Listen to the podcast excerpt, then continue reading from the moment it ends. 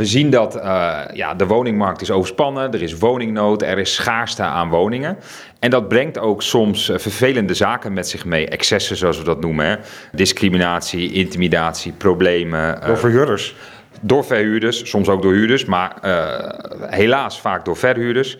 En daarvoor hebben wij gezegd, nou, we willen graag een, een leefbare stad. En dat moet ook zorgen dat dat een fatsoenlijke woningmarkt is. En daarom komen we nu met een opkoopbescherming.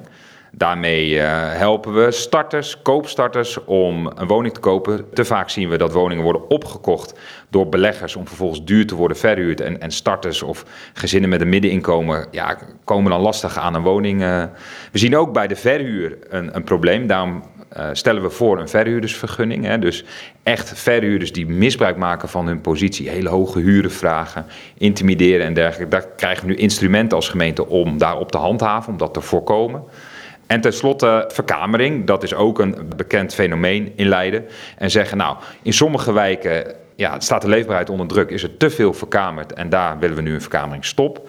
En in sommige wijken gaan we dat in de binnenstad met name, beperkt toestaan. En daarin willen we een gezonde balans vinden tussen verkamering voor studenten en de leefbaarheid van een wijk. En dat is een totaalpakket, ja. En, en eh, op dat gebied van dat verkameren, wat verandert er dan in praktijk? Want er waren natuurlijk al verkamerregels, die waren op een gegeven moment door de rechter getoetst en uh, niet in orde bevonden. Nee, uh, dat klopt. Hè. Dus toen hebben we ook als gemeente een standstill moeten afkondigen. Toen kon er dus niks verkamerd worden. Ook denk ik studenten in onzekerheid. Hè. Panden die daarvoor waren verkamerd, waarvan het nog maar de vraag was of dat een legale situatie betrof of betreft. Daarvan geven we nu duidelijkheid. Zeggen we, nou, alles van voor de standstill uh, willen we legaliseren. Uh, en vervolgens kijken we echt naar de leefbaarheid. Daar doen we ook onderzoeken naar. Hè. Waar staat de leefbaarheid in bepaalde wijken nou onder druk? Veel geluidsoverlast, afval, fietsen en dergelijke. Nou, dan komen er een aantal wijken naar voren waarvan we zeggen... nou, daar zetten we een stop op de verkamering. Want daar staat de leefbaarheid te veel onder druk. En in de binnenstad gaan we het in beperkte mate toestaan. En zo proberen we de balans te vinden tussen studenten... die natuurlijk al, al eeuwen wonen in onze stad, waar we ook trots op zijn... en de leefbaarheid te behouden en op een schappelijk niveau te houden. We zijn de binnenstad beperkt toestand, maar in een stuk binnenstad is het gewoon vrij, hè? Ja, het kernwinkelgebied stellen wij voor. Hè. Het is misschien nog wel even goed om te zeggen, uh, wij stellen deze maatregelen nu voor. We gaan nu ter inzage. We nodigen de stad uit om daar zienswijze op in te dienen. Vervolgens gaan we dat nog behandelen uh, met uh, de, de gemeenteraad. Dit is het voorstel van het college. En het klopt, in het kernwinkelgebied stellen we voor om wonen boven winkels, hè, bij de Haarlemmerstraat en dergelijke, om dat mogelijk te maken. Dat vinden wij een dusdanig dynamisch leefmilieu, zoals dat dan technisch heet, dat dat, uh, dat, dat daar moet kunnen.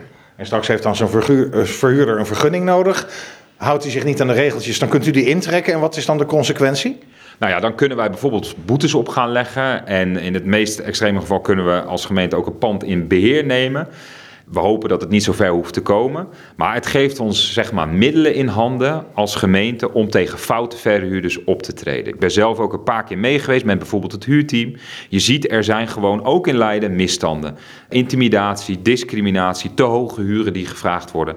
En in bepaalde wijken kunnen we daar dus nu als gemeente tegen optreden. Door bijvoorbeeld uh, boetes op te leggen. En uh, sterker nog, je mag een vergunning in te trekken. Dus op het moment dat je als verhuurder je niet aan de regels houdt, mag je dan in Leiden niet meer verhuren. Dan willen we je niet meer in onze stad hebben. En dan tenslotte die opkoopbescherming. Wat houdt dat dan in praktijk in? Nou, die opkoopbescherming, die uh, voeren we, of is het voorstel om in de hele stad in te voeren. Daarvan zeggen we, nou, woningen tot 355.000 euro. Daarvan zien we net even te vaak dat die door uh, beleggers worden opgekocht om vervolgens in de verhuur uh, gedaan te worden. En dan vissen, starters of gezinnen met een middeninkomen, die ook, voor wie die woningen ook heel interessant zijn, achter het net.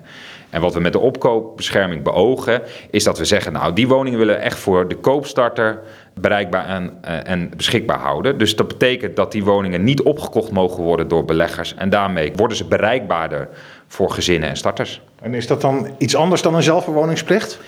Uh, kijk, de opkoopbescherming, daar uh, kun je uh, bij uitzondering een, alsnog een vergunning krijgen om te gaan verhuren. Bijvoorbeeld als jij voor je zoon of dochter een woning koopt. Een zelfbewoningsplicht is echt de plicht om daar zelf te gaan wonen. Dat hebben we in Leiden al bijvoorbeeld voor de nieuwbouw. Dat is net even wat anders. Dit gaat echt op het opkopen van woningen om vervolgens te gaan verhuren in die categorie tot 355.000. Dat voorkomen we daarmee. Nieuwe gevallen of ook bestaande? Als jij een verhuurder bent, dan, uh, dan mag je dat uh, gewoon blijven doen. Ook goedkopere panden dus? Ja, ja, zeker. Dan hoef je dat niet te verkopen. Dan gaat het inderdaad om, om woningen die op de markt komen, die te koop worden aangeboden.